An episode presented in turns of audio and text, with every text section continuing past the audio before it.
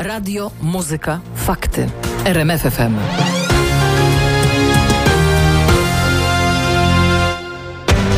Na program zaprasza jego sponsor, Parlament Europejski. O zmianach we wspólnej polityce rolnej Michał Zieliński. Nowa wspólna polityka rolna ma zmienić europejskie uprawy i hodowlę, ma być bardziej naturalnie i zdrowo.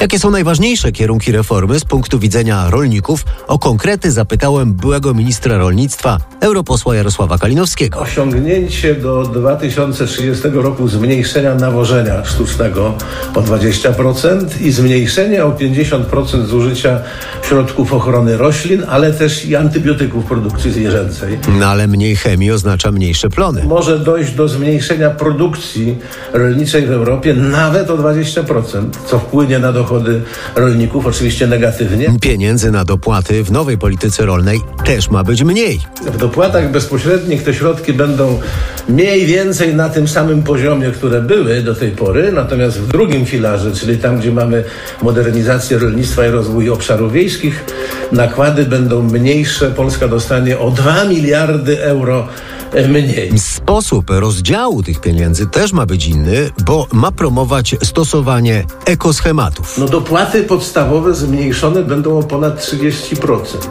I teraz jeżeli rolnik zrealizuje te ekoschematy, będzie je realizował w gospodarstwie, będzie miał możliwość odzyskania tych pieniędzy. Natomiast jeżeli nie zrealizuje, to po prostu dopłaty będą o 30% mniejsze. Mówi mi Jarosław Kalinowski i zwraca uwagę, że Polska wciąż jeszcze nie stworzyła systemu, który sprawi, że tylko prawdziwi rolnicy będą pobierać dopłaty. W naszym kraju aż 80% uprawnionych teraz do dopłat nie prowadzi tak naprawdę działalności rolniczej. Nowa polityka rolna wejdzie w życie od 1 stycznia 2023 roku, więc jest jeszcze trochę czasu. Na program zaprasza jego sponsor, Parlament Europejski.